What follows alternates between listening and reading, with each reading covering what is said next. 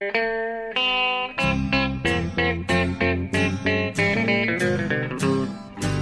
out there, we're on the air. It's hockey night tonight. Tension grows, the whistle blows, and the puck goes down the ice. The goalie jumps and the players bump, and the fans all go insane. Someone roars, Bobby scores at the good old hockey game. Oh, the good old hockey game is the best game you can name. And the best game you can name is... Hallå, hallå, hallå, hallå, hallå, hallå där, hallå där, hallå, hallå, hallå. Yes, hallå och välkomna till NHL-podcasten med eh, Jonathan Onskan Ekeliv som ni hörde hallå där i Stockholmskvällen. Ja. Och mig då Per Bjurman eh, i ett väldigt grått, regnigt, dimmigt New York. Ja. Och vi ska nu spela in vårt 272 avsnitt. Avsnitt nummer 272 helt Bra, enkelt. snyggt, snyggt. Ja. Ja, eh, och vi har väl, eh, det har väl inte, senaste tiden har inte hänt lika mycket som det hände eh, för en månad sedan när, när det bara small hela tiden. Nu, har det, nu sitter man bara och väntar på att det ska bli lite trader, eller hur? Lite rejäla trader. Ja, precis, att det ska smälla till lite mer på det, i det tempo som vi vande oss vid där. Liksom Ja. under flera månader, från egentligen november fram till januari. Ja. bara tränare sparkades kors och tvärs och det var trader och det var stora nyheter och det var bomber och det var milstolpar och allt möjligt. Nu är det lite, Ja. lite mindre på den fronten då måste vi säga. ja, men det kommer snart att hända. Jag, jag var på eh, Garden igår kväll då, onsdag kväll och såg Rangers Toronto. Mm. Och då var det faktiskt, det var 21 21 lag hade scouter på plats. Det var alldeles knökfullt på pressläktaren. Ja, Och så det, är det, på de- säger något ändå. på, så är det på de flesta ställen nu, att det är väldig aktivitet. Och eh, den kvällen slutade ju med att vi fick en trade faktiskt. Ja, faktiskt. Mm. Eh, med ett av lagen på garden inblandade. Det, det var en av de mer spektakulära eh, så här, paniktrader jag tror jag sett. Michael Hutchins, Hutchinson var inte något bra i, i Torontos mål. Nej. Och Fredrik Andersen är skadad. Och eh, en halvtimme efter slutsignalen så hade de gjort klart med, med, med Campbell, Jack Campbell från LA Kings. Mot Ja. Trevor Moore. Och även, eh, eh, vem var det mer som kom hit till Toronto? Det var, Kyle Clifford. Kyle Clifford. ja just det, just det. Eh, och eh, ja, hade, de hade ju bara tänkt på det innan. Men den här matchen på Garden var sista spiken i kistan för Hutch. Ja, precis. Jag tror också att, att de, de naturligtvis hade diskuterat det här senaste dagarna, men att det kändes på något sätt som tajmingen bara en halvtimme efter slutsignalen att bara okej, okay, ta det där andra valet också då. Så får vi Ja. igenom den här traden då, så vi slipper Hutchinson. Lite så kändes det faktiskt. Ja, det var verkligen så. Och vilken, vilken grej för Toronto Media som ju alltid är uppe i varv vad som än händer. När det blir en sån trade så fick alla gjorde om sina jobb och det var helt hysteriskt i, i media, media environgerna. Ja, precis, för det är inte lite folk från Kanada som dyker upp i Madison Square Garden när det är Toronto Nej. där. Det är ju verkligen. Men jag förstår dem för att eh, Andersen, bakom Andersen så är det för, för, för vekt. Alltså, han har inte varit något bra Hutchins. Det var inte bara den här matchen. Eh, det har inte sett eh, något lyckat ut och eh, de har inte råd att förlora matcher som, som den igår mot Rangers. Det, det ska de inte förlora, men det gjorde de ändå. Precis, och den dessförinnan mot Florida, extremt viktig match. De slåss ju om samma plats där i Atlantic-divisionen och Hutchinson fick hoppa in, det var inte speciellt bra då heller. Nej, eh, när Andersen blev skadad. Så att, eh, mm. Nej, och Andersen har vi ju pratat om tidigare att dels på grund av backupen i Hutchinson men också det faktum att Andersen inte riktigt pallat med här under vintern under 2020-halvan av säsongen att eh, bära den tunga målvaktsbördan i Toronto och stå match efter match, kväll efter kväll och till och med har blivit skadad nu. Eh, att de tittade på till exempel Georgia Vius Rangers Mm. Eh, För faktum är att under 2020, om vi räknar upp både Hutchinsons och Andersens statistik, så är de under 90% i målvaktsprocent. Och det är ju svårt att ta sig till slutspel då. eh, När det Ja. kastas in puckar bakåt i den farten. Så att, då blir det Jack Campbell helt enkelt. Och det Ja. känns väl okej. Ja, jag skulle just fråga dig. Det känns som du har haft, eh, har inte han varit lite Ekan-favorit eh, emellanåt? Ja, Ekan-favorit vet jag inte, men eh, han var ju faktiskt eh, framförallt bra förra säsongen skulle jag säga, när han eh, på vippen, eller rent statistiskt och spelmässigt så, så borde han ha konkurrerat ut Jonathan Quick. Han var ju mycket bättre i fjol än Quick då, hade ju fantastisk, eh, eh, fantastiska siffror, upp mot 93% var han på över 30 matcher. I år har väl gått lite lite tyngre, liksom, eh, liksom för hela laget naturligtvis, Kings, men det gjorde det ju i fjol också då. Men, men, men han, har inte, han har inte varit eh, lika bra i år, Campbell, men det är ju en det var ju en supertalang när han kom fram och då blir man ju lite så här, då gillar jag gillar ju så. Jag, ja, det är, det, det är därför han var favorit att se, precis som Gibson. Ja. Eh, det, är gamla, det är gamla fina Ekeliv favorit. Är det? ja, men, eh, ja, men han var en supertalang. Han, var, han är ju den enda, eller han, under 10-talet så är han den målakt som har draftats tidigast. Han gick 11 2000, jag tror det var 2010 faktiskt. Han gick, eller om det var 2011 han gick. I alla fall väldigt tidigt i draften.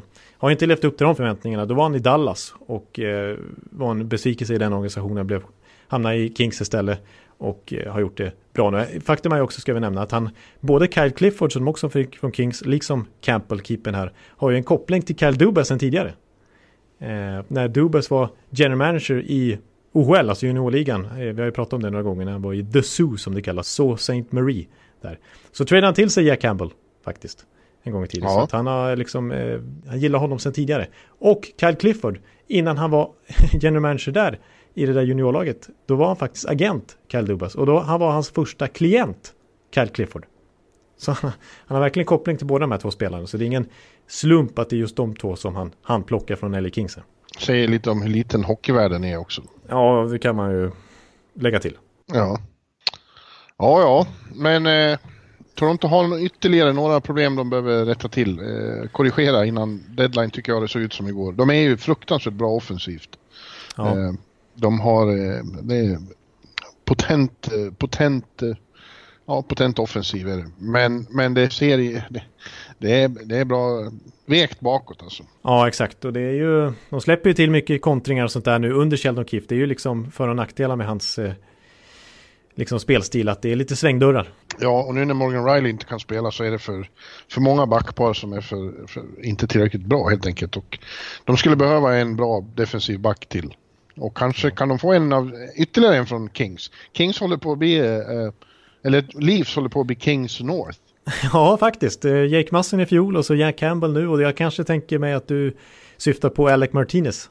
Ja, typ. Mm. Någon sån. Och de ska ju skicka iväg Tyler Toffoli forward där också från LA Kings. Så de kommer vara riktigt celler alltså. Det kommer skeppa sig vilt där. Det har redan börjat nu. Mm.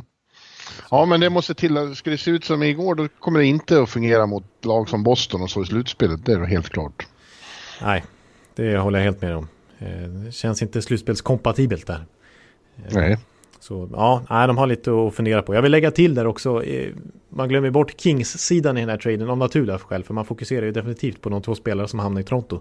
Men eh, Trevor Moore som kommer till LA Kings, han är faktiskt född i Thousand Oaks. Ja, han är ju. LA-kille, så han mm. var nog väldigt glad. Precis. Exakt, och det är inte helt vanligt med California Kids i, i NHL.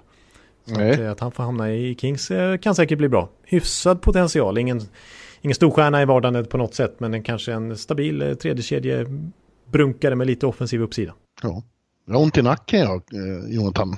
Har du det? Jag, jag legat illa, så jag har igen. Det händer varannan månad att jag vaknar så jag legat med huvudet snett på något vis. Så. Är det sant? Så nu går jag här som Frankenstein. Jaha, okej. Okay. Jag trodde att du hade fått någon smäll av Larry Brooks på pressläktaren.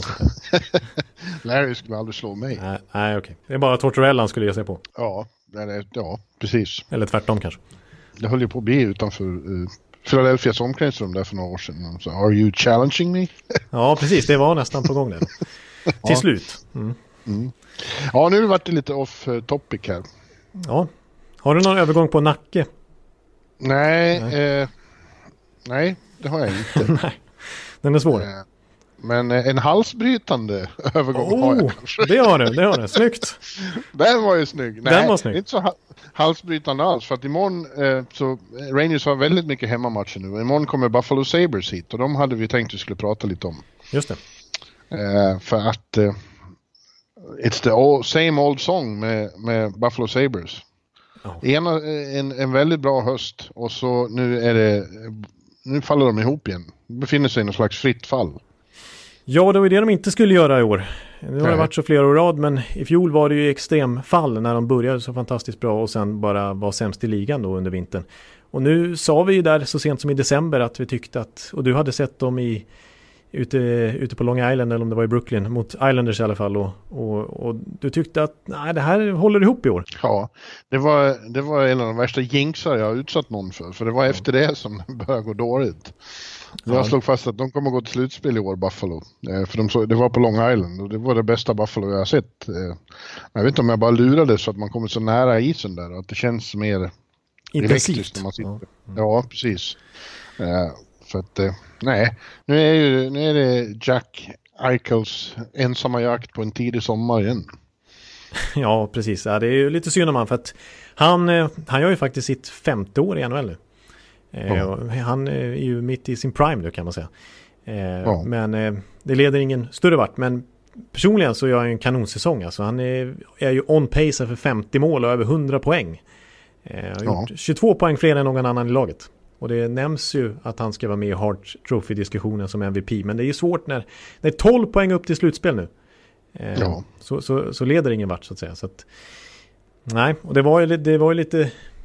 Det har varit skriverier om Buffalo eh, i riksmedia här på grund av att de tog bort en radiokanals tweet. Eller det ryktas i alla fall om att de beordrade lokala radiostationen där att ta bort en tweet som länkade till radiointervju ja, med en Buffalo-support helt enkelt som berättade vad han tyckte om laget just nu. Jaha. Och, en, en kille som heter Dwayne som ringde in till lokal radio där och, och berättade att ah, det är jobbigt det här och ja, det är tråkigt. Och var, vart efter samtalet led så kunde han inte hålla sig längre utan det är fucking shit. Det är, jag är så trött på det här. Jag har hållit på det här laget i 30 år. Jag har säsongskort. De skiter i den här. Ta ett ansvar allihopa. Från Pegula upp till varenda litet prospect. Kom igen nu. Kämpa för helvete ungefär sådär. Eh, till slut så kunde han inte liksom släng. Så att, eh, och det tyckte radiokanalen var lite kul och alla andra Buffalo-fans eh, höll ju verkligen med också. Men nej, det tyckte inte Buffalo Sabres om. Så det sägs att de har eh, sett till så att radiokanalen tog bort det här. Jaha. Eh, för att eh, det där lät inte bra för organisationen helt enkelt. Nej, men de borde istället försöka rätta till. Jag vet inte vad det är som har gått fel. Det kändes ju verkligen som att det var något annorlunda. Att Ralph Kruger skulle komma in och, och, och rädda det här. Ja, med sin karisma och sin positivitet. Ja, nu har de ju, nu ska vi vara lite något sånär rätt, de har väldigt tungt på skadesidan just nu. Ja, Viktor Olofsson är väl alla tyngsta ja, tappet. Ja, nu är Rasmus Dahlin borta och ja. eh, eh, Johan Larsson som är en, en, viktig rollspelare där. Allra svåraste skadan är väl den på Linus Ullmark tror jag. För ja, att eh, Carter Hutton har inte varit bra när han har stått. Nej, han har inte varit bra och eh, det var ju inte här om natten när det blev 1-6 hemma mot eh, Colorado. De blev utbuade. Det var knappt folk kvar på läktaren i tredje perioden. Mm. så att Nej, Ullmark är också ett, ett han har verkligen varit första keeper där. Ja. för Hatton, det, det funkar inte. Nej, han hade, han hade en halv säsong i fjol när han såg ut som en riktig NHL Morris, men det var en eh, flash in the pan. Ja, nej precis. Alltså det känns som att det är så mycket problem i det här Buffalo. Det är liksom. något, eh, det finns ju, det har vi nämnt några gånger genom åren, att det är vissa klubbar så känns det som att det är något eh, som sitter i DNA. Ja. Länge var det som med Blues att de inte kunde vinna. Nu har ju de bevisat motsatsen då. Men eh, Buffalo verkar ju vara, det är något som är fel i själva grundreceptet där. Ja, för de har, det har sparkats både Jeremy Manchers och tränar inte minst på löpande band och mycket av spelartruppen har bytts ut genom åren men ändå så är det liksom samma resultat. Ja. Så det kan inte bara bero på enskilda individer i stommen och så vidare och general managern och sådär utan ja det är i så fall Pegula då för det är ju när, när han tog över alltså ägar ägaren där. Sen han tog över 2011 med sina miljoner och skulle gå in och storsatsa som det har gått åt Fanders. För dessförinnan ja. såg, det ju, såg det ju faktiskt bättre ut sportsligt i alla fall. Men man kan inte sparka ägaren. Han Nej. kan bara sälja själv. Nej, det är visserligen sant. Ja, det, det, det, det är framförallt tråkigt för de stora begåvningar som är där tycker jag. Framförallt allra mest är det synd om fansen. Men, men de här spelarna som, som är där nu och som Eichel är ju praktexemplet då. Hade det här varit i NBA så hade han för länge sedan begärt en trade och få komma någonstans eh, ett vinnande lag. Det är mycket ovanligare i NHL men det börjar komma och eh, det skulle vara svårt att vara arg på honom om, om det här ja, sluta som det ser ut att sluta nu då. Att han till slut säger nu vill jag vidare. Ja, det jag har ju... Slut, slutspelshockey någon gång. Det har ju hänt i Buffalo Sabres fall i närtid. Inte med en lika stor face of the franchise som Eichel men Ryan O'Reilly var ju ändå en led, stor, stora ledaren i laget när han var där och han, eh, han tvingade ju sig bort mer eller mindre när han sa på locker clean out eller vad man säger, sista dagen efter för förra mm. säsongen att eh, nej, jag, jag har tröttnat på hockey. Jag orkar inte vara kvar här. Nej, just det. Jag, det, är, det är så tråkigt. Så att eh, eh, det äter upp mig inifrån den här depressionen nästan som det innebär att spela här. Sa han ju faktiskt. Ja. Eh, och blev tradad till St. Louis som var Stanley Cup istället. Så eh, ja, det, ja. det, det, Eichel är nog inte så många år ifrån en, sådana citat heller tror jag. Nej. Ja, det här bevisar att det, det räcker ju inte bara med att vara dålig och få, och få drafta högt och så man måste ändå göra det korrekt och på ett bra, odla en bra kultur liksom. Annars, eh, annars blir det ingenting. Nej, för det blev ju tvärtom. Det blev ju verkligen en förlor alltså förlorarkulturen var ju på sin spets där. Eh, ska man väl säga när eh, när eh, det året som de draftade Eichel och helst vill ha McDavid då. 2014, 2015. Mm. Eh, när de kom sist, men torskade i draftlotteriet. Eh, när fansen på allvar då jublade åt motståndarlaget istället. Ja. Så var det ju faktiskt under den säsongen. Så, ja, Detroit får passa sig så de inte hamnar i det. Detroit som ni har, minus 96 i målskillnad. Ja, det är... Det är, det är man kan inte kommentera det nästan. Minus 96. Ja. Iceman-effekten har inte varit enorm. Nej. Kan man inte De har säga. alltså gjort 111 och släppt in 207. Ja, det är fruktansvärt dåligt. De, de är ju... ja, det är det faktiskt. Vi var inne på det för någon månad sedan eller två att de kan ju kanske bli utifrån hur trenden såg ut det sämsta laget i cap-eran och som det är just nu så är de ju solklar. Solklar kommer ja. att slå rekordet. Ja, hur det kan bli, Jonathan. ja, precis. Det, det, det är laget som du ju inledde din eh, session borta i Nordamerika med att följa allra närmast. Ja, att de var bäst. De var bäst. Överlägsna. Ja, de var bäst och hade mest fantastiska svenskar. Ja. Men då har jag faktiskt en liten övergång här. Ja, vad fint. En annan grej jag tänkte vi skulle prata om. Jag tänkte vi skulle prata lite om Alexander Ovechkin. Och min övergång ja. där är att han de senaste tio matcherna har gjort 16 mål. Och apropå Detroit Red Wings så har de gjort 15 mål som lag de senaste tio matcherna. ja. Så, eh, det kanske kommer att sluta med att han har gjort fler hela säsongen. Han har ja, kommit upp i 111. Ja, det känns nästan så i alla fall. Den, ja, de, gör, de har blivit nollade två gånger i rad Detroit. De gör inga mål längre. Nej, precis. De bara kastar in puckar bakåt istället, höll på att säga. Ja, men Alex Ovechkin, han, han gör desto fler. Det var ju en, eh, remarkabel, för att ta fram det ordet, avslutning mot eh, Los Angeles Kings häromsistens. Han gjorde tre mål inom loppet av fem minuter i slutet av tredje perioden. Precis, det var ju slutet av matchen. Det var väl bara sju minuter kvar och sånt där när han gjorde det första målet. Ja, ja. Och sen eh, avgjorde den där matchen på egen hand.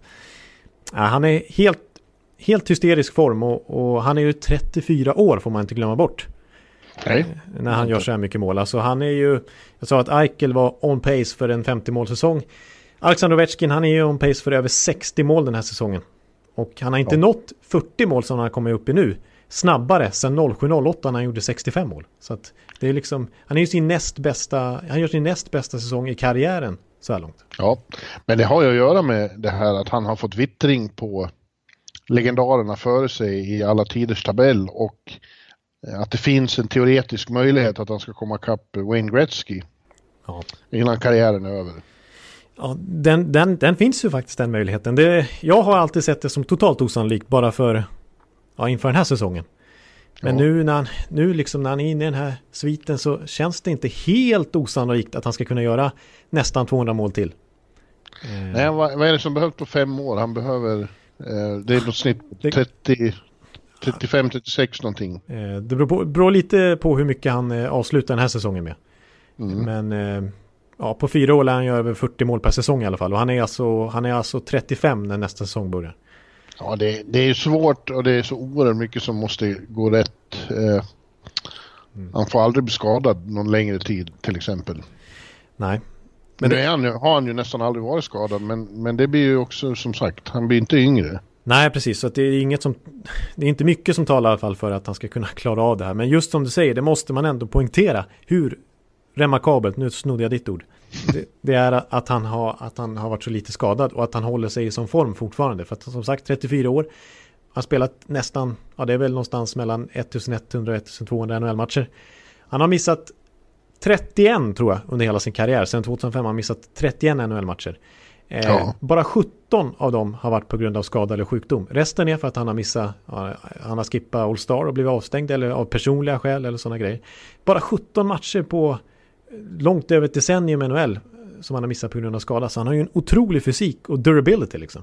Ja, han är en unbreakable Russian machine. Ja, han är verkligen en, han är en Russian machine. Ja, det är han. Det är han. Och eh, 700 tar han ju när som helst. Förmodligen i nästa match. Det är bara två upp nu. Och det är, bara det är ju en fantastisk bedrift. För det är inte ja. många, vad är det, sju andra som har i historien som har gjort 700 mål ja. eller mer. Ja. Och eh, vad jag tror vi kan vara, åtminstone det där Gretzky-rekordet är ju så sjukt eh, uppe i stjärnorna. Men 800 kan han komma upp i och slå Gordie Howe och bli tvåa. Ja, precis. Han kan nog faktiskt göra det. Det, det känns ju realistiskt ändå. Eh, så det tror jag han kommer göra. Eh, Gordie att... Howe hade slutade på 801. Ja. Vad man inte förstår är att inte, att inte Gretzky fortsatte litet tag till och kom upp i 900. Ja, för det kan vi bara nämna då att han står på 894. Ja, mm. han står kvar där också. Han kommer inte... Ja, just det. Han kommer faktiskt inte, kommer inte fortsätta förlänga det. Nej. Men, äh, men det är otroligt Ovechkin alltså, som fortfarande är mitt uppe i karriären och nu går, det, alltså namnen han går förbi här. Ni har ju läst rubriker de senaste veckorna men det är ju Lemieux, det är Iceman, det är Messier, det är Sellener liksom. Ja. Det är sjuka namn liksom. Eh, ja det är det verkligen. Och han har, vi tror ju ändå att han har flera år till att spela liksom. Så eh, ja. det, det, det, kan vi bara säga igen och det har vi sagt flera gånger att Ovechkin är den bästa målskytten i hockeyhistorien. Ja, och det säger killarna nere, Hagelin pratar om det, att eh, man märker när han, när han eh, liksom får vittring på sånt här och, det är blod i vattnet liksom. Ja. Då blir han extra eager och hungrig på att göra mål och då är han nästan ostoppbar. Ja, ja det, det känns som det, för det finns så många exempel på det genom åren när han har liksom tänt till. När han ja. verkligen haft eh, vittring liksom, som du säger. Och inte skulle han ha något emot att bli bäst genom tiderna. Det, det skulle han verkligen inte ha. Det är någonting som, är någon som vill liksom som verkligen skulle sätta pris på det, vilket ju de flesta skulle göra, men Ovechkin skulle verkligen göra det.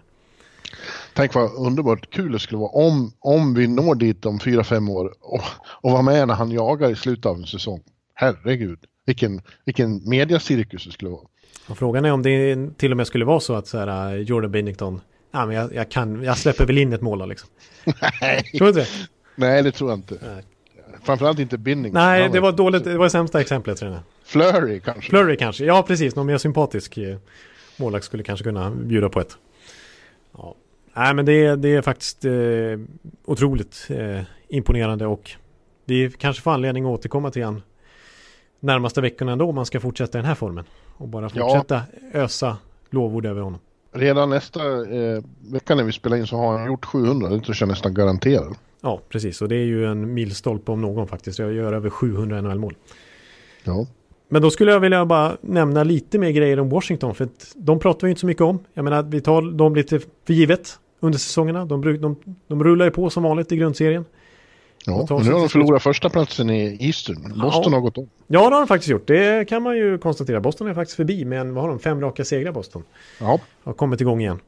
Ja, eh, verkligen.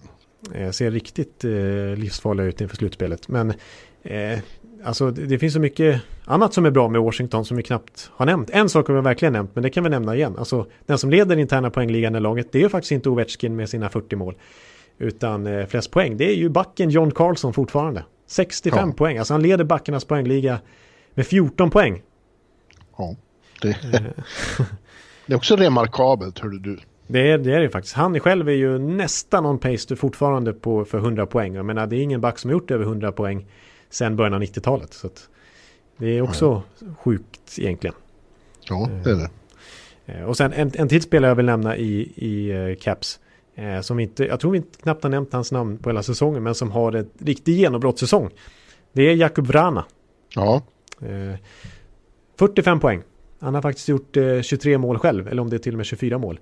Och han får inte så mycket PP-tid. Det är svårt att göra mål i powerplay när man spelar i samma formation som Ovechkin. För att det, det, det utgår ifrån att Ovechkin ska bomba på. Eh, så att eh, Vrana har gjort 20 av sina 23 mål i eh, 5 mot 5. Ja, och eh, ja. det är en extremt bra siffra. Det är bara Ovechkin och ja, Matthews faktiskt. Ovechkin och Matthews som har gjort fler mål 5 mot 5 än Vrana den här säsongen. Det är inte dåligt. Nej, Verkligen inte. Så att, eh, ja, det finns mycket att glädjas åt där för Tadson och alla Caps-fans. Mm.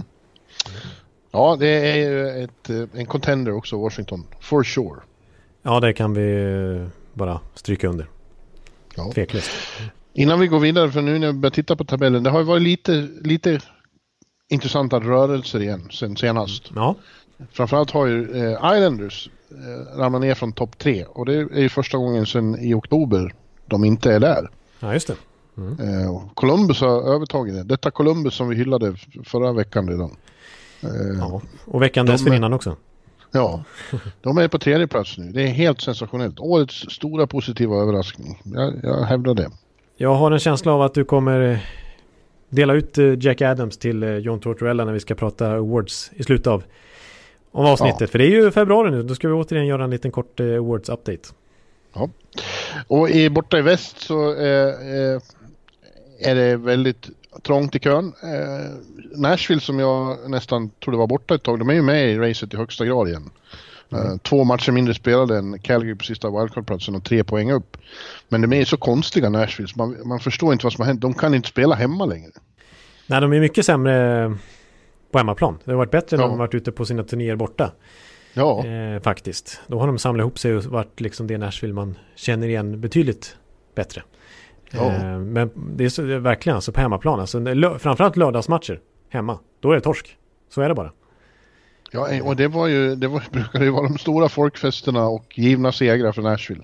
Eh, det är jävligt underligt hur det kan svänga på det där sättet. Ja, för det är verkligen usväng för hur det har sett ut under många år.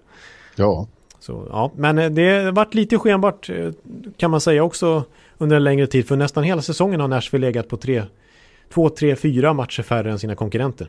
Så nu när de börjar ja. komma ikapp lite grann i alla fall så ja, då, då syns det i tabellen också. Ja, ja, du vet ju att jag hoppas. Nashville är Nashville.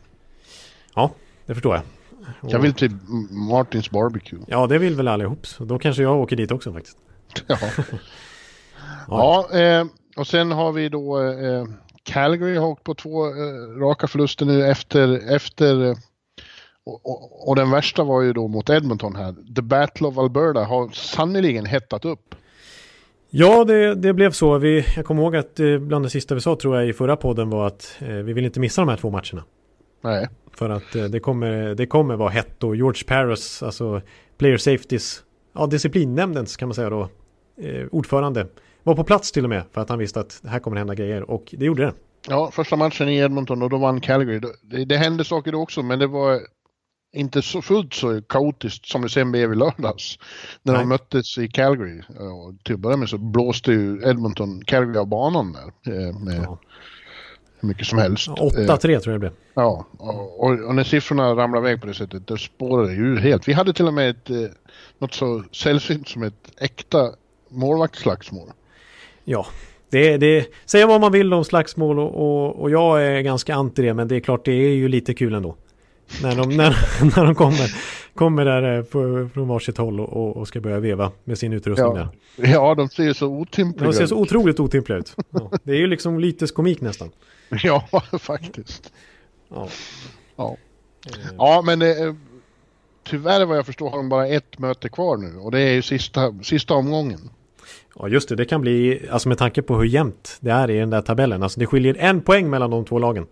Ja, det kan bli decenniets match där uppe ja. i, i, i Alberta. Alberta. Nej, vi ska inte gå händelserna i förväg, men det kan ju vara så att det blir alltså helt avgörande. I alla fall ja. positionering och sånt där. Alltså kanske inte nödvändigtvis om man går till slutspel inte, men om man ska få hemmaplansfördel, en sån grej bara. Ja. De kan ju mötas i slutspelet till och med. Då borde man vara i Alberta. Ja, då är det bara att åka dit, vet du. Du har inte varit i eh, Calgary än. Nej, det har jag inte. Och det är väl konstigt, för nu har jag en kamrat som bor där också. Lönta, Jonathan Lindqvist har ju flyttat till Calgary. Ja, precis. Så att bara en sån sak liksom. Då har du ja. ytterligare anledning att åka dit. Ja. Så att eh, det är möjligt att vi, vi får se en liveblogg från Alberta i april. Mm. ja. varför är det så kul att säga Alberta? Jag vet inte varför det är, men det var jättekul. Ja, då. Ja, det ja. får vi fortsätta med. Kommer av mig helt. Ja, ja. Alberta i mina hjärta, Alberta i mitt hjärta. Och där ser du, precis. Exakt, du, du måste dit nu. Ja, ja, ja eh, men du, ja du nämnde det, vi har ju tänkt oss, eh, det kommer en, eh, den månadsatliga awards vi, vi har utlovat att vi ska göra varje månad. Så ja. den kommer för januari. Men vi tänkte först en liten specialare eh, och utse de tio bästa svenskarna den här säsongen. Eh, ja.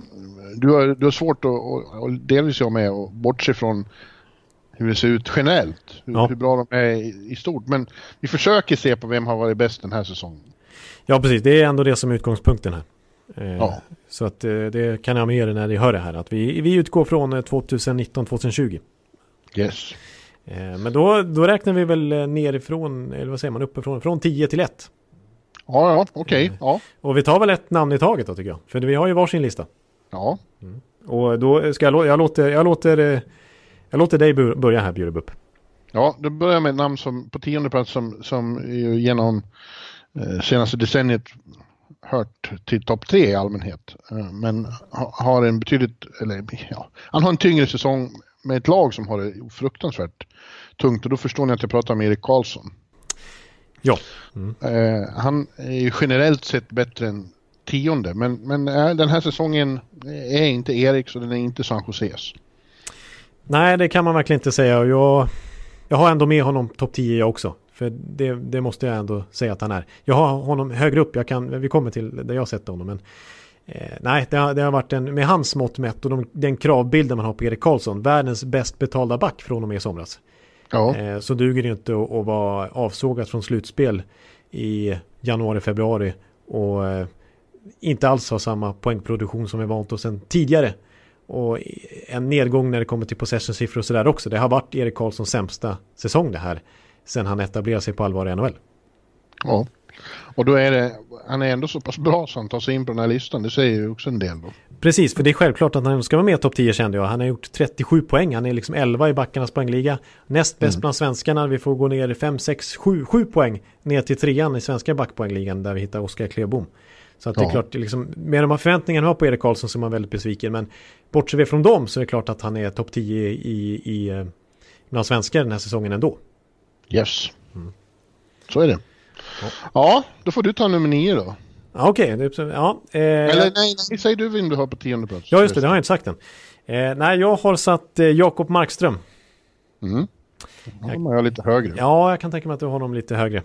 Ehm, ja, eh, jag har ju nämnt det någon gång förut, men det, det säger ju lite grann att, att, Vancouver, att The Athletics Vancouver-sektion där när de gjorde bokslut för 2019 utnämnde honom till det kalenderårets, det vill säga båda säsongernas liksom halv, halva, eh, för Vancouvers MVP. Före Elias ja. Pettersson. Ja. Så, ja, jag tycker ju längre säsongen har gått desto bättre har han blivit. Eh, ja. jag, tycker, jag tycker det har varit några matcher på slutet när han har varit helt sensationell faktiskt. Ja, han har verkligen tagit ytterligare kliv den här säsongen skulle jag säga. För att han har varit bra nu i ja, senaste två åren skulle jag säga. Men det, har, det är som du säger, det har blivit bättre och bättre redan förra säsongen och så bättre och bättre den här säsongen också. Nu är han ja. ju på en nivå så att man kan argumentera för att han är topp 10 i ligan. Eh, ja, bland målvakter. Mm. Det är särskilt imponerande med tanke på vad han har gått igenom den här säsongen med privat. Hans pappa gick bort och han har åkt hem och så för det. Ja. Eh, och det är också imponerande sett på lång sikt. Alltså det, det, han har ju varit i, i ligan länge, Markan. Men, mm. men, eh, och, och, de första säsongerna har varit tufft. Han var mycket i AHL. Men var verkligen en sån där som har lyckats bita ihop och, och, och kämpa på och nu fått belöningen. Precis, är, han har ju varit i NHL under hela 10-talet. Men det är först nu, ja. sist, sista, det är in på det här nya decenniet i princip, så han har blivit den målvakt, alltså den riktiga toppmålvakt som han faktiskt är just nu. Ja. Eh, och som säger, verkligen bitit ihop och det är inte helt ovanligt, med, jag har varit inne på det tidigare år i podden, att det är ganska vanligt att målvakter slår igenom vid den här åldern. Alltså det tog lång tid för Bishop liksom, att, att slå igenom. Det tog lång tid för Binnington inte minst då, som vi såg i fjol. Mm. Eh, mm. Dubnik, alltså... Lener. Lener, Lener. Eh, ja, nu har, är ju Carter Hutton förmodligen en bust, men när han fick det här fina kontraktet med Buffalo så var han ju 30-31 år. Ja. Eh, så att det är ju det tar ofta lång tid för målvakter att verkligen etablera sig och, och, och liksom få det självförtroendet och den pondusen för att vara en eh, NHL-målvakt 60 matcher per säsong. Ja.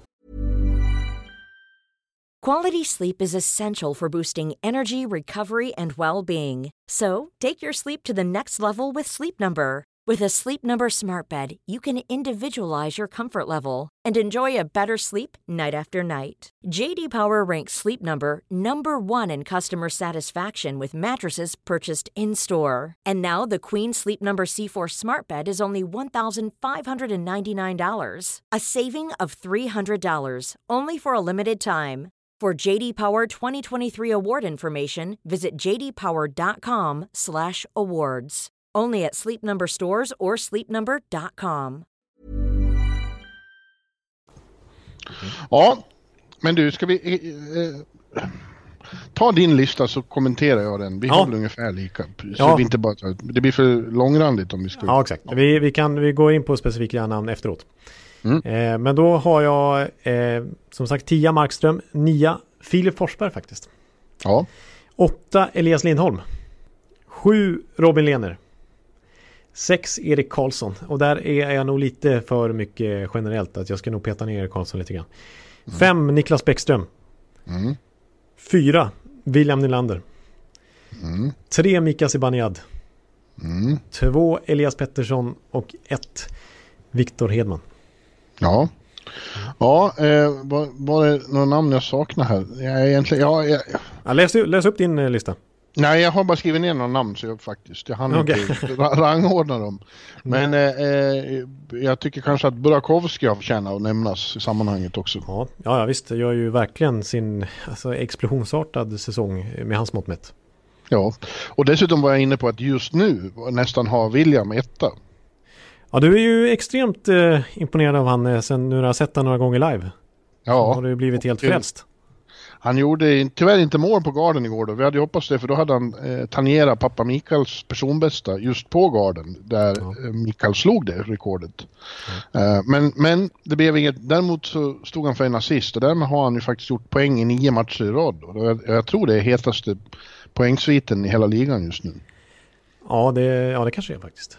Det är ju det är imponerande i alla fall. Men 25 mål, det, han är, det är ju bäst bland alla svenskar hittills. Ja, även, om, även om han inte har slagit eh, pappa än, så vilka där gör vilken dag som helst, så är det ju bäst bland alla svenskar. Så det är imponerande måste man säga. Jag tycker det är svårt, de fyra där är svåra att skilja åt. Han, Mika, Elias och eh, Heddy. Ja, det är väl de fyra som ganska tydligt har varit bäst den här säsongen. Ja, Beckis är ju bra också såklart, men han, eh, han har varit lite, vad ska vi säga, ja, stabil men utan att utmärka sig jättemycket. Det har varit en, en klassisk Becky-säsong. Ja, Eh, Men eh, liksom, han, är, han är bra, men de andra har gjort eh, exceptionella säsonger. I alla fall de tre forwards han utmanar här. Har Ja. gjort eh, alltså verkligen, alltså jag menar för Zibanejad också. Han har ju faktiskt, alltså Elias Pettersson leder ju den svenska poängligan, men Zibanejad med tanke på att han missar ett tiotal matcher med skada, så är ju han eh, den som har bäst poängsnitt ja. bland alla svenskar. Han har ju klart över en poäng per match. 1,15.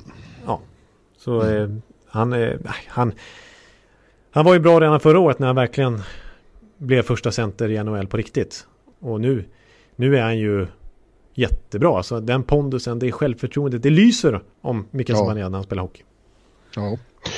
Och det bara känns så tråkigt att det förmodligen kommer att sluta med att eh, han blir av med kedjekamrater och bra lagkamrater i år igen. Och att Ja. eh, mars blir ett, eh, ja, det är bara en transportsträcka. Han pratade igår efteråt om att han fortfarande tror på det här att de har bättre chans än vad det ser ut som i tabellen och så vidare. Eh, och, och om de fortsätter spela som igår och får behålla laget så, så är ja, det är tänkbart. Men nu är det så att de de kommer ju förmodligen att säga av till exempel Chris Kreider, hans kedjekamrat. Ja. Kanske fast till och med. Ja, det pratas ju till och med om Fast som har ett A på bröstet och som har varit, eh, är väl den Rangers-spelare som har varit där, inte längst naturligtvis, det är Henke Lundqvist och Mark Stahl, men om man bortser från dem och Chris Cry, ja, ja, men han har varit där väldigt länge i alla fall och är extremt uppskattad Mm. bland fansen, men också inte minst internt i laget. För hans arbetsmoral, han är ju verkligen sånt som bidrar till att hålla uppe kultur, vinna, alltså, kanske inte vinna kultur, men liksom arbetsmoralen i laget i alla fall. Ja. Men du, Lindholm och Lene var med på listan va? Eh, ja, de har jag med båda två. Ja, jag tänkte väl det. Ja, eh, Lener, det har ju det var lite intressant statistik som belystes av eh, Mike Kelly, NHL.coms egen eh, statsguru härom veckan tror jag. Eh, där han eh, förklarar liksom att alltså Lener, han, är, han har varit kanske ja, bland ligans absolut bästa målvakter den här säsongen. Mm. För att han har ju tyngst arbetsbördan när han är inne på isen. Nu delar han ju liksom målvaktsuppdraget där med Corey Crawford. Men, men de får ju extremt mycket att göra. Så det är ju så att, att Robin Lehner är faktiskt, om man räknar skott per match som han får emot sig, så får han mest skott emot sig av alla målvakter i NHL den här säsongen. Mm. När det mm. kommer till farliga skott, alltså eh, skott från slottet, så får han mest antal skott från slottet mot sig hela den här säsongen. Dock så är han faktiskt, trots det, så är han faktiskt den målvakt som har bäst räddningsprocent när det kommer till skott från slottet. Och det är ju liksom det svåraste man kan tänka sig. Det är ju de farligaste lägena. Han har högst räddningsprocent i hela NHL i den statistikformen. Så, ja. Och när man jämför sån här riktigt avancerad statistik som expected goals och sådär. Då har han väldigt hög liksom, alltså expected goals against eh, mot sig. Alltså han, han, borde släppa in en väldig massa mål. Men trots det har han en ganska okej okay siffra i, liksom, egentligen när det kommer till insläppta mål per match, alltså GAA. Eh, så att han har faktiskt högst skillnad, alltså det är störst diskrepans mellan hans expected goals against och hans faktiska goals against i hela ligan. Så det säger väldigt mycket om hur bra han har varit utifrån att han får så otroligt mycket att göra när han, när han står. Ja. Ja, det är dags att han får ett riktigt kontrakt nu. Att de får, något lag måste ju fatta att han, han ska ha ett långt kontrakt. Ja, precis. Jag vill återigen understryka då att, eh, som han själv har påtalat i någon intervju nyligen, att de senaste fem åren, om jag till och med räknar in hans tre år i Buffalo, där, så de senaste fem åren så eh, är det bara sex målvakter i NHL som är över 92 i räddningsprocent och Lener är en av dem. Så det är ju liksom ja. inte bara den här säsongen, inte bara Islanders-säsongen, utan även i Buffalo var han rätt bra. Men det är som varit inne på, den klubben är svårt att komma någonstans med. Ja. Spännande, får se vad han, om, om Chicago hugger eller om det finns någon annan. Eh, jag vet inte. Alltså skulle de sälja honom eh, trots att han är UFA så här nu så släppa honom, trada honom så, så det är ju ett först, första val. Måste ja. de få. Så bra är han ju. Ja. Så att, eh, ja. Men jag tror att de kommer att förlänga med honom. Ja, Islanders tar tillbaka honom. ja, just det. Då skulle fansen bli överlyckliga. Ja, det skulle de bli. Ja. Vi får se Lou. Det hänger, hur Lou tänker. Apropå Lou, så, så det här hade vi inte pratat om i körschemat. Men Athletic hade en intressant enkät häromdagen med, med äh, agenterna. Jaha, den har jag missat. Ledande agenter om, om, ja de fick svara på lite frågor om general managers och, och lag och sånt. Mm. Uh, och vilka uh, general managers som var enklast att dela med och vilka som var svårast att dela med. Mm. Svårast att dela med överlägset var Bob Murray i Anaheim. Är det sant? Ja. Det hade jag aldrig gissat på. Nästan alla svarade att han var extremt pricklig och krånglig och, och, det var svårt att få beslut och så liksom. Och tuff att förhandla med. Ja. Och Lou fick eh, röster, två röster i båda kategorierna. Två tyckte att han var värst, men två tyckte också att han var bäst att ha Det har väl att göra med vilka klienter man kommer med, gissar jag. Ja, det kan det handla om också. Naturligtvis. Ja. men eh, jaha, det, det, jag är fortfarande lite tagen av att Bob Murray var så svår att ha att göra med. Ja, ja. ja, jag vet, det tog en väldigt lång tid att förhandla fram Rickard Rakell och eh, Hampus Lindholms nuvarande kontrakt. Det gick ju in i säsongen då. Men så har det varit med andra general managers också. Så ja. Jag hade inte pekat ut honom specifikt. Men, ja. Jag fick också frågan vilket ställe som är svårast att få klienterna att vilja flytta till. Det tror jag du... Ja, då gissar jag på Winnipeg. Ja, den var totalt överlägsen. Ja, ja. det, det, det var inte svårt att förstå. Nej. Var det motsatt fråga också, vart, vad som är lättast eller? Nej, det kanske. Jo, vilket eh, som alltid finns med på topp ja, 10 när de när de eh, eh, tio lag de kan tänka sig att bli tradade till. Mm. Eh, det, var, det var, jag tror det var, New York var definitivt ett av dem. Ja. Eh, men nej, jag, kommer, jag ska inte säga, jag kommer inte ihåg. Men jag utgår från att Tampa och så. Liksom. Oh, ja, det, det utgår jag från också. ja. ja, det är ju underbart. Så det, det är med på alla listor. Ja, men det är intressant. Bob Murray. Mm. Den jäveln. Den jäveln alltså. Ja, där ser man. Ja, det, det vet vi. Då vet vi det inför trade deadline här. Mm. Det är inte så lätt att få dem att flytta till Alberta heller förresten. Nej, okej, okay, okej. Okay. Jag kan tänka mig det. Tyvärr alltså. Alberta är våra hjärtan, men det, det ja. kanske inte vill bo där. Nej.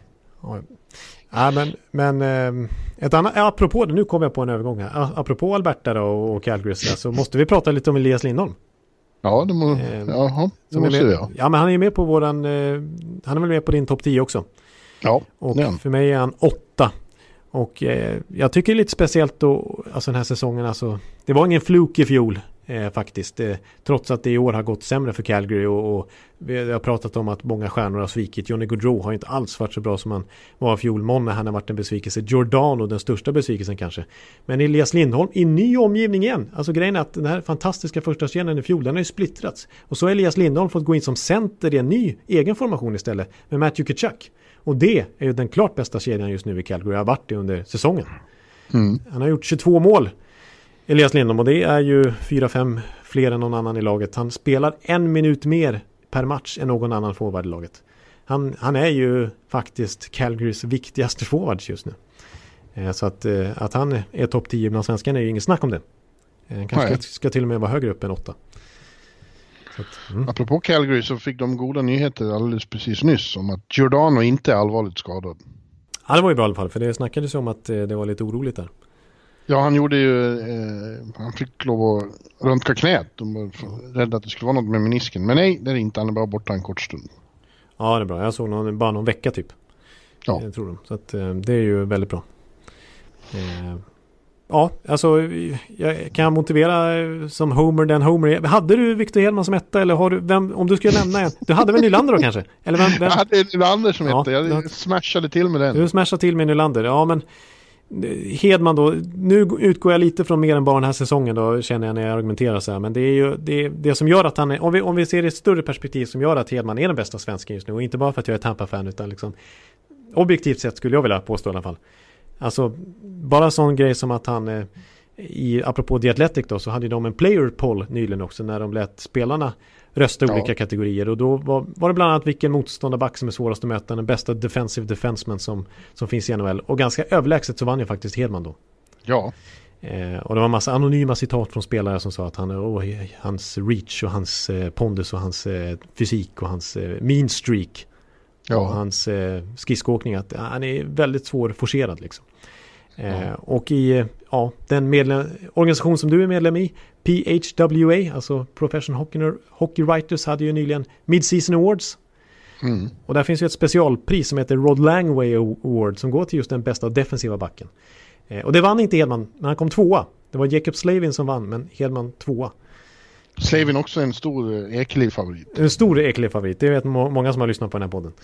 Eh, och, eh, och, men då har vi alltså bara pratat om Hedmans rent defensiva egenskaper i egen zon och sådär. Men sen så är han ändå fyra i backarnas poängliga nu. Ja. Eh, har gjort 42 poäng den här säsongen. Och eh, ja, ser vi över en större, med en större pensel över längre, längre tid så har han faktiskt nominerats till Norris Trophy tre år i rad och kommer förmodligen göra det i år också. Ja, så, det lär, eh, så lär det bli. Så att jag, har, jag, jag måste ändå säga att han är Sveriges bästa NHL-spelare. Ja, ja det, det är svårt att argumentera mot dig. Jag bara tänker att just för tillfället så kör jag på William för den där sviten och att han har blommat ut under Sheldon Keefe och eh, ser, ser så jävla härlig ut när man ser honom live. Ja, det precis. Elias Pettersson är också extremt underhållande att se och faktiskt Zibanejad ja. också. Men, men jag, jag, håller med dig, Nylander är, är um, kanske det mest, en av de mest sevärda spelarna i hela ligan. Och just nu ja. framförallt. När han verkligen ja. har blommat ut. Eh, eh, ja. Eh, ska jag nämna en grej varför, varför jag satte Zibanejad före Nylander? Ja, du, du får nämna hur mycket ja, du vill. Ja, jag, säger, jag säger en, en grej till och det, det är bara det att jag vill, jag vill konstatera också och lägga in i, i debatten här, våran debatt här, att Zibanejad är ju verkligen komplett också. För han, han är ju, om man jämfört med både Pettersson och Nylander, så får han ta väldigt mycket defensivt ansvar också. Han spelar ju, mm. han är ju per match är han den Rangers forward som spelar mest i boxplay också. Och ja. han, han matchas ju aktivt mot motståndarnas bästa spelare. Eh, så eh, jag tror jag kollade vilken, vilken forward han har mött mest den här säsongen. Och trots att han spelar på andra sidan kusten så är det faktiskt McDavid som är hans vanligaste motståndare bland forwards. För han spelar, de, Rangers ville ha in honom på isen varje gång McDavid var inne på isen när de har mötts. Ja, eh, det är ganska otroligt. Ja. Ja. Så eh, nej, jag tycker Zibanejad det, det är en väldigt stor grej med honom också. Att han är mer eller mindre en komplett hockeyspelare numera. Ja, ja och, och eh, dessutom har den här pondusen som ledare. Liksom. Han, ja. Rangers följer Mikael. Ja, precis. Det är ju... Jag har aldrig sett en kapten vara så mycket kapten utan att vara kapten. Nej, det är ju egentligen konstigt att de inte har satt det där C på bröstet än. Ja. Eh, det kommer de väl göra i sommar. Det har ju blivit så också omklädningsrummet med scrummen efteråt. Det är alltid får Mika prata. Som en, som en sann kapten. Ja, just det. Ja, det är bara kaptenen som har det så. Ja. Så han är ju kapten. Ja, det är han. Ja. Nej, vi... Eh, ska vi ta avrunda med lite awards? Ja, de har inte jag satt mig in utan jag får reagera på dina awards här. Se Ja, precis. att komma med. Ja, precis. Så får du höra om du tycker ute och snurrar eller om jag är med. Och då ska vi se. Då, då är det alltså för... eh, Vi har kommit till... Och jag spelar fyra NHL-månader då. Och här är mina awards eh, så här långt. Så vi Så börjar här med... långt, alltså det är inte för, det är hela säsongen. Ja, jag visst. Nej, det är inte, bara för januari specifikt. Utan det är för... eh, Nej, det är så här långt in på NHL-säsongen. Och då tar jag med hösten också. Aha. Jajamän. Ja, så är det. Eh, men det har ju förändrats sen vi gjorde den här listan i oktober. Det har hänt mycket sen dess. Så att det, eh, men eh, Hart har jag haft nu för tredje gången i rad tror jag. Så sätter jag Nathan McKinnon. Mm. Eh, för- och det, kan, det tror jag du håller med om. Ja, det gör jag. Fast Mm. jag håller också med dem som säger att eh, han utmanas svårt av Conor McDavid. Eh, David Pasternak och... Eh, ja. Ska man fast- ha med Ovechkin i en sån här diskussion? Jag menar, han har gjort 40 mål liksom. Ja, det kanske man ska. Men, men vi, vi ser det som mest, mest värdefull så är det ju ingen som, tror jag, som betyder riktigt lika mycket för sitt lag som McKinnon. Som gör ett superlag av dem. Ja, precis. Jag sa tidigare i podden att, att eh, Eichel har gjort 22 poäng fler än någon annan i laget. McKinnon, han har gjort 34 poäng fler än någon Ja. annan i Colorado som ändå är ett superlag. Liksom. Eh, och som varit inne på många gånger, när både Rantanen och Landeskog var borta. På de 14 matcherna båda var borta, då gjorde McKinnon 24 poäng. Ja, Det var i samma takt som han producerar nu. Så att, eh, han, är, han är Colorado Avalanche. ja nej, han är Hart Trophy. Ja, precis. Sen, vill, sen har du McDavid där. Då, då måste man ändå bara slänga in det faktum att Dreisaitl leder poängligan. Ja, Och, och liksom när man ändå pratar om MVP liksom. Sen är, jag håller med, alltså ska man ranka världens bästa spelare så är McDavid solklar nummer ett. Men eh, utmanad av McKinnon. solklar och solklar. Solklar, men, ja, men han är väl nummer ett. Så är det ju. Ja, Eh, ja. Men Dreisaitl, jag menar, fyra poäng fler just nu när vi spelar in det här. Och, och faktum är att han har ju faktiskt splittrats från eh, McDavid en tid i 5 mot 5 och spelat med Kaylor Yamamoto och Ryan Nugent Hopkins. Och det har ju varit Oilers bästa kedja sedan dess. Eh, jag tror de att deras målskillnad sedan de parades ihop är 13-2. Så att, eh, och det är betydligt bättre än McDavids kedja haft. Så att eh, Dreisaitl är också, också där och nosar. Man tar inte riktigt honom på allvar än. Utan man pratar bara om McDavid. Men, men Dreisaitl är, det är, det är ett two-headed monster där också. ja. Men då tar vi vässorna. Ja, ja, Den svåraste skulle jag säga av alla pris. ja. Här är ju... I synnerhet som, som en som kändes ganska given ett tag och varit skadad länge nu. Ja, Darcy Kemper är ju fortfarande inte... Nu, nu pratas det om att han tränar och att det, han aktiverades faktiskt från injured reserve efter All Star-breaket. Men så sattes han tillbaks innan han gör, han gör en comeback för han fick ett litet bakslag. Ja. Så eh, nej, han är nog borta nu från att vinna den här kategorin och kanske till och med nomineras. Eh, så att, eh, och Connor Hellebuck, jag menar, han, ja, han har varit mitt alternativ flest gånger tror jag den här säsongen. Eh, men det går, börjar gå lite trögare för Winnipeg och även för Hellebuck. Så jag vet inte om han eh, ska vinna. Tuka Rask är, tycker jag är ett bra förslag. Mm. Eh, vi ligger väldigt högt i de traditionella eh, statistikkategorierna, räddningsprocent, vinster, målvakts eller så här, insläppta mål per match då. Men också goal saved above average har han ju högst i hela ligan alltså. Så att, Men du nämnde Robin förut som en kandidat. Ja, precis. Alltså Robin Lehner tycker jag ska vara, alltså, vara med i diskussionen. Sen är det ju så att det är många, målak- många bra målakter delar ju lite på, på arbetsbördan. Alltså jag menar, jag tycker Ben Bishop är bra, men då spelar ju Anton Sjudovin väldigt mycket också. Tuka Rask tycker jag alltså, kanske ska är min Vesina favorit just nu, men, men Jaroslav Halak har ju väldigt bra siffror och spelar mycket han också. Eh, Om sen- Elvis fortsätter, fortsätter hålla tätt varenda match då, vad, ska, vad säger du då? då? Ja, ja, som Elvis eh, för eh, Columbus till slutspel. Och eh, fortsätter i den här stilen så måste ju han vara minst nominerad. Ja, Så det är... och så har du Tristan också. Det känns som en, en eh, Ekelig favorit. Ja, Tristan Jury, det är ju sån här typ, han är ju verkligen en sån här John Gibson, Jack Campbell, du vet, så talang, stort, så hypad liksom. Thatcher Demko är på gång, du vet. Carter Ja. Hart, det är ju mina killar. Eh, så att jag gillar Han Tristan Jury. Ja, Han som blev sjuk i Minnesota tyckte du mycket om också. ja, eh, ja, du menar Josh Harding? Ja, så var det ja. Ja, Johan gillar henne också kanske. Mm. Ett tag så var han stor favorit hos dig. Ja, ja, ja du ser. Vi har ändå hållit på med det här i över sex år nu så att jag har nog haft några favoriter. Men din kompis Vasilevski då, han hade för ja. svag start på säsongen? Nej men alltså Vasilevski, alltså, nu när vi spelar in det här. Han har 17 raka matcher utan förlust i ordinarie tid. Mm. Så att han är han börjar växla upp mot Vessina form, eller han är i Vessina form från i fjol. Men, men det som förstör för honom, det är som du säger, hans svaga höst där han var direkt dålig faktiskt. Med Vasilevski mått mätt. Under en lång period. Men det blir Tucka alltså? Ja men nu, eh, jag, jag slänger in eh, Tucka som min eh, kandidat. Ja, man kan tucka att du måste komma till skott. ja, ja okej, tack. ja, ja, vi säger Tucka Rask. Mm. Eh, Norris där, där, där behöver vi inte... För, första gången jag hörde det var Wennerholm i, i Vancouver ja, jag, jag var på OS när han sa att den där kan man ju tucka att han ska ta. Ja, ja exakt. Jo, jag tror jag har sett den i bloggen kanske fem gånger sedan dess. Den brukar, kom, ja. den brukar dyka upp för du gillar den. Eh, men eh, Norris så kan ju du säga vem som vinner. John Carlson. Ja.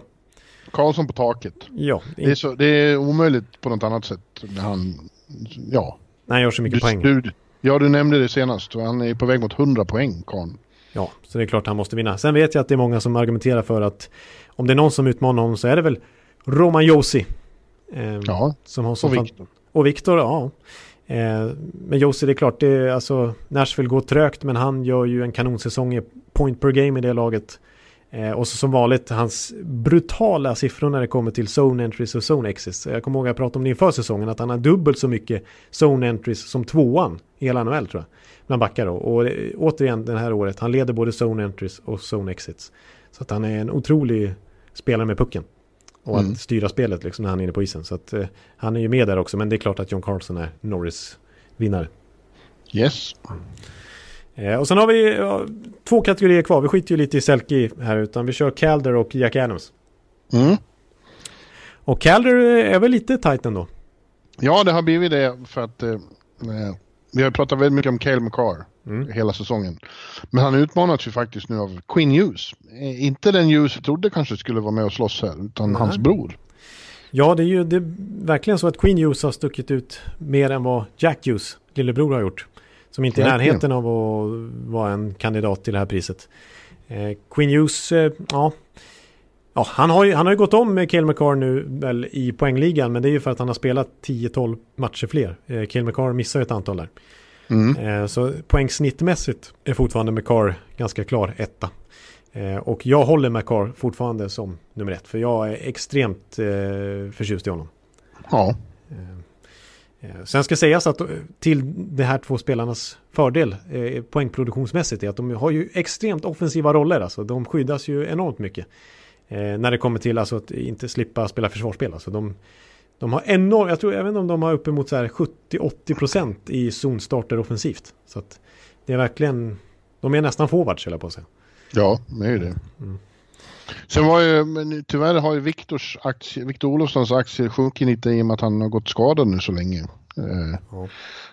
Men han är fortfarande trea i poängligan för rookies. Ja, precis. Det är han faktiskt. Så att, eh, om han kommer tillbaka och kan avsluta starkt så har han väl fortfarande chansen att bli nominerad. Annars så börjar det komma sådana som Nick Suzuki, Adam Fox där i Rangers. Ja, Kubalik. Eh, Kubalik med sina 21 mål är ju bäst bland rookies. Då kan vi inte ha tre backar som blir nominerade? Ja, det vore ju nästan rekord väl. Något, ja. Eh, faktiskt. Eh, sen så återigen, jag slängde in han i, i, januari när vi gick igenom det här och då avfärdade du det för du tycker att nej, han spelar för lite. Men det är ju Samsonov i Washington. Ja. Som, eh, han är ändå uppe i en 20 match, 21 matcher nu. Och har ju bara förlorat fyra av de 21. Eh, han har ju han har mycket bättre siffror än Holtby. Så de, det är ju bara ren politik att de startar Holtby fortfarande. Ja. Ja. John Marino då? Din, eh, ja, min, du vet, min bubbe. När han ja. föddes och så. Ja, jag vet hur han föddes och att hans bror var kobent och att det var därför han spelade hockey och allt det där. Hjulbent var han. Eh, tvillingbrorsan. Men... Eh, ja, kobent ska man inte vara. Nej. Nej. Eh, ja, han är absolut ett alternativ också. Det är mycket bra backar i år.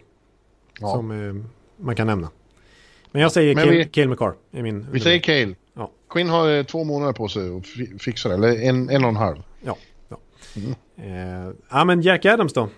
Då, eh, Ja. ja. du sa ju vad jag ska säga och, och jag säger eh, John Tortorella, absolut. Med tanke på vad han har haft för material att jobba med i Columbus och vad han har gjort, gjort med det materialet. Gjort Blue Jackets återigen till en lagmaskin som det är fruktansvärt ont att möta och som tar sig upp på slutspelsplats fast de har förlorat varenda stjärna de hade. Jag tycker ja. att det är, hans, det är hans förtjänst.